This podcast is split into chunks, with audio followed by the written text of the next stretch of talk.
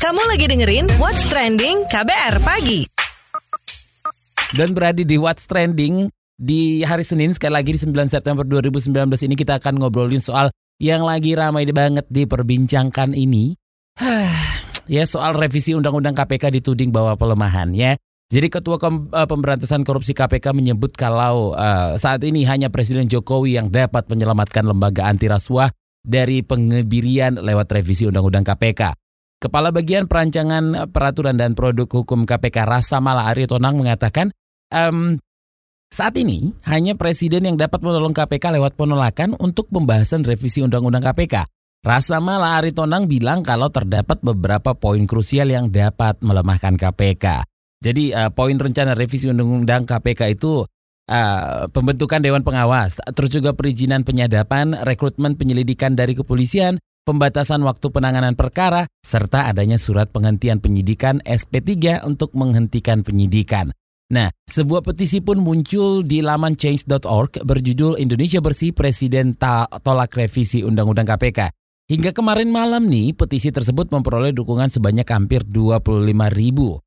Jadi target dari jumlah tanda tangan yang dibutuhkan. Oke, jadi 25 ribu dari target jumlah yang dibutuhkan ya. Jadi Henry Subagio um, sebagai penulis petisi memaparkan bahwa selain berpotensi melanggar prosedur, pembahasan rancangan undang-undang KPK juga tidak melibatkan partisipasi publik secara memadai untuk upaya pemberantasan korupsi ke depan. Oke, ini yang akan kita obrolin. Nanti kita akan um, dengar keterangan dari Arsul Sani dan juga um, Arsul Sani lagi. Ya, Arsul Sani anggota Komisi Hukum DPR Republik Indonesia dan juga nanti uh, Kepala Bagian Perancangan Peraturan dan Produk Hukum KPK Rasa Mala Aritonang kita akan ngobrol dan juga nanti ada dukungan dari uh, seorang aktor dan produser Ernest Prakasa. Seperti apa? Jangan ke mana-mana, tetap di KBR Pagi. Kamu lagi dengerin What's Trending KBR Pagi. Kita akan um, dengar keterangan dari Arsul Sani, anggota Komisi Hukum DPR Republik Indonesia, dalam satu rapat dengar pendapat antara pimpinan KPK dengan Komisi 3, memang ada pembicaraan dan pada saat itu pimpinan KPK juga menyetujui soal revisi ini, tapi tentu revisinya yang tidak melemahkan KPK. Ya, jadi itu juga harus ada bukannya kok eh, apa teman-teman yang menjadi pimpinan KPK itu kemudian tidak setuju sama sekali atau menolak setiap eh, apa usulan revisi KPK nggak begitu juga. Nah, itu tadi anggota Komisi Hukum DPR RI Arsul Sani yang mengklaim memiliki catatan bahwa pimpinan KPK periode saat ini uh, menginginkan revisi Undang-Undang tentang Komisi Pemberantasan Tindak Pidana Korupsi atau UU KPK. Jadi Arsul menegaskan keinginan revisi undang-undang oleh pimpinan KPK disampaikan dalam rapat dengar pendapat antara KPK um, dengan DPR ya. Ia juga membantah bahwa pembahasan rencana revisi undang-undang KPK terkesan senyap ia mengklaim revisi hanya melanjutkan pembahasan yang sempat tertunda pada 2017 lalu. Jadi Kamis kemarin DPR RI sepakat untuk merevisi Undang-Undang KPK. Salah satu poin revisi adalah pembentukan Dewan Pengawas KPK. Oke. Dan pakar hukum pidana Abdul Fikar Hajar mengatakan untuk mengantisipasi pelemahan KPK, Kini langkah terakhir hanya ada di tangan Presiden Joko Widodo. Yang bisa dilakukan Presiden Jokowi adalah um, dengan membatalkan usulan DPR soal revisi Undang-Undang KPK. Sehingga dugaan pelemahan KPK itu tidak terbukti dan Presiden masih berkomitmen dalam pemberantasan korupsi. Kita dengarkan pernyataan dari pakar hukum pidana Abdul Fikar Hazar berikut ini menjadi gongnya ini sekarang ini. Ya jadi ada banyak upaya yang dilakukan memang untuk melemahkan KPK. Ini harus dilawan. Karena itu kemudian banyak masyarakat turun ke jalan, masyarakat berteriak, para guru besar, para tokoh masyarakat, tokoh agama, ya Muhammadiyah, Nadatul Ulama, semua bicara, ya semua tidak setuju terhadap pelemahan KPK ini. Nah itu artinya apa? Artinya memang di satu sisi KPK disayangi oleh masyarakat, di sisi yang lain KPK menjadi musuh para koruptor termasuk di dalamnya pihak-pihak yang punya kepentingan untuk merubah kedudukan KPK dari lembaga yang independen ya yang punya kewenangan yang cukup mendukung untuk kerjanya KPK sekarang mau digradasi KPK akan dijadikan lembaga penegak hukum biasa yang akan duplikasi dengan penegak hukum yang ada, ya, yaitu polisi dan kejaksaan. Bahkan mau disubordinasikan. Uh, penyidiknya harus polisi semua, kalau penuntutan harus koordinasi dengan jaksa. Nah itu kan artinya sangat melemahkan KPK gitu. KPK tidak akan punya taji, tidak akan punya kebebasan seperti dulu lagi. Ini yang namanya, ini jelas-jelas pelemahan.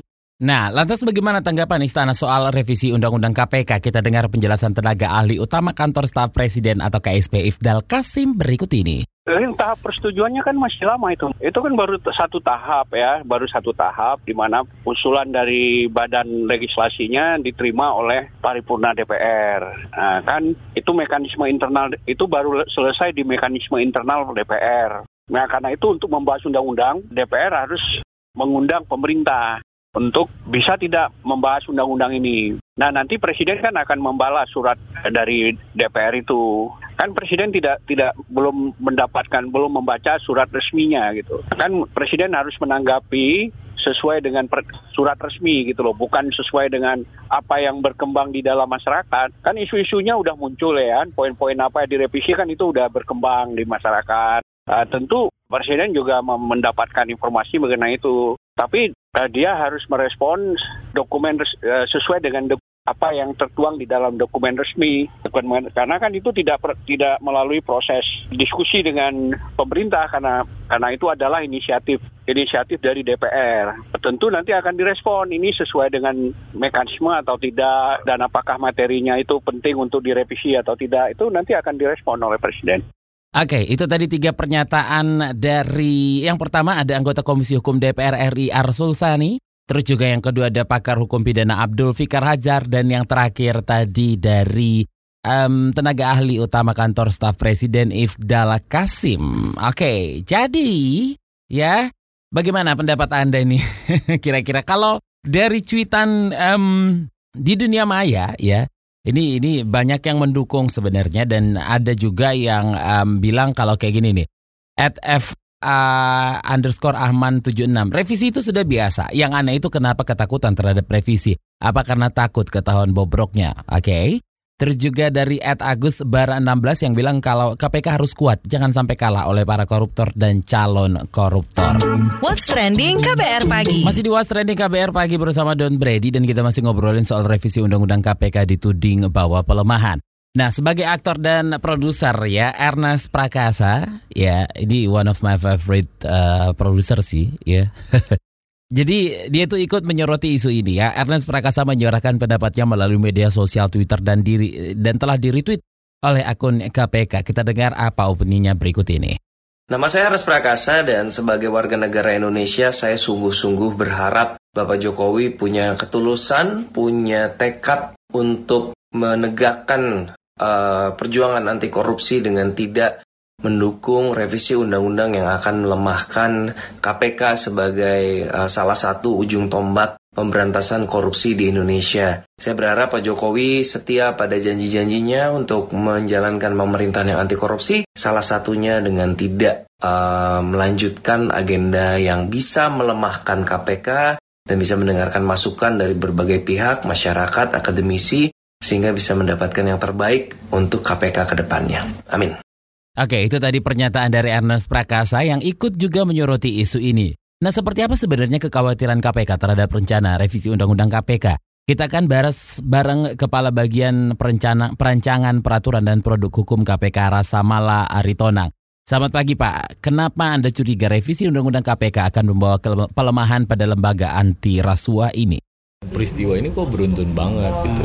Begitu sistematis begitu tertutup sehingga jadi wajar jadi jadi bukan hal yang aneh kalau orang kemudian jadi curiga. Ini kenapa sih kemudian muncul tiba-tiba ide untuk revisi setelah sebelumnya ada kontroversi soal capim gitu kan?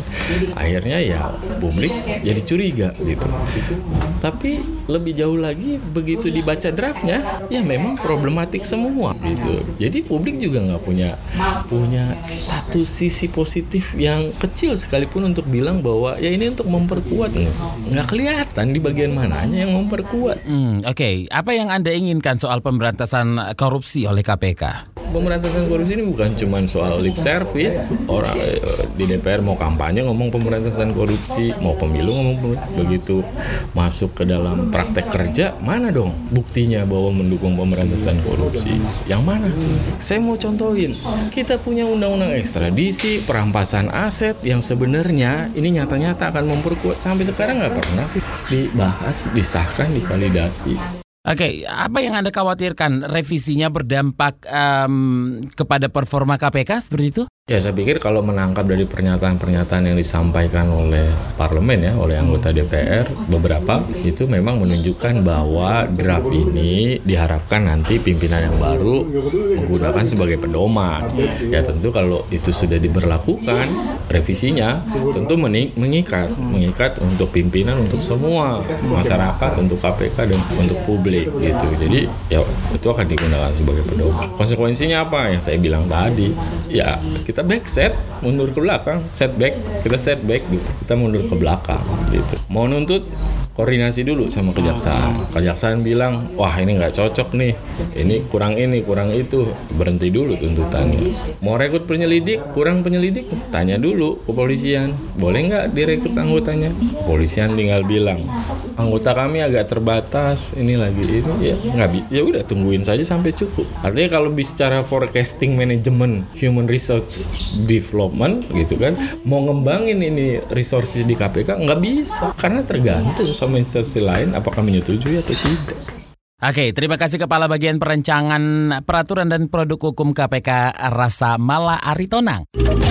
Kamu lagi dengerin What's Trending KBR Pagi. Apa kata Miss KBR soal revisi Undang-Undang KPK ini yang dituding bahwa pelemahan? Penasaran sama komentar Miss KBR? Ini dia Miss KBR. Aduh, pusing pala Barbie. Serangan koya datang bertubi-tubi. Kalau istilah bulenya from left, right, and center. Serangan itu datang dari segala penjuru arah mata angin. Barat, barat, laut. Utara, timur, laut. Tenggara, selatan, perdaya. Ya, mending kalau kelihatan. Yang ini udah kayak kentut yang gak ada suaranya itu. Tiba-tiba bau aja kan? Ini loh Miss KBR lagi mantengin perkara KPK yang rumit banget. Dari perkara seleksi capim yang demikian adanya itu sampai revisi Undang-Undang Nomor 30 Tahun 2002 tentang Komisi Pemberantasan Korupsi. Salah satu poin yang bikin Miss KBR ketawa ketiwi gemes itu ya perkara penyadapan. Di revisi itu, penyadapan cuma bisa dilakukan setelah ada izin dari Dewan Pengawas. Sementara Dewan Pengawas itu bakal dipilih DPR dan menyampaikan laporannya kepada DPR tiap tahun. Alamat Yawa, alamat palsu kayak lagu. Tahu sendiri kan prestasi DPR kayak apa? Prestasi korupsinya itu loh maksud Miss. Kalau produk legislasi macam undang-undang ya tahu sendiri lah ya. Kalau nggak salah Formapi pernah bikin catatannya. FYI, Indonesian Corruption Watch ICW juga nyatet ada 250-an anggota dan mantan anggota DPR DPRD jadi tersangka korupsi dalam lima tahun terakhir. Nah, itu 22 di antaranya anggota DPR RI. Bahkan dua di antara mereka adalah Ketua DPR Setia Novanto dan Wakil Ketua DPR Taufik Kurniawan. Wajar kan kalau Miss KBR bersyahwasangka Ya nggak bakal percaya lah kalau niatan DPR itu baik. Masih banyak loh ya poin-poin revisi yang melemahkan KPK Mulai dari independensi KPK jadi terancam. Penuntutan perkara korupsi harus koordinasi dengan Kejaksaan Agung. Perkara yang dapat perhatian masyarakat tak lagi menjadi kriteria. Kewenangan pengambil alihan perkara di penuntutan dipangkas. Kewenangan-kewenangan strategis pada proses penuntutan dihilangkan. Kewenangan KPK untuk mengelola pelaporan dan pemeriksaan LHKPN juga dipangkas. Hah, lah iya. Kalau sampai ada yang mendukung itu loh, aduh, minta dipites. Itu dia tadi komentar dari Miss KBR. Mau tahu besok Miss KBR bakal komentar apa lagi? Tungguin cuma di KBR Pagi. What's Trending KBR Pagi. Saya Don Brady pamit, ketemu besok lagi ya. Bye-bye. Terima kasih ya sudah dengerin What's Trending KBR Pagi.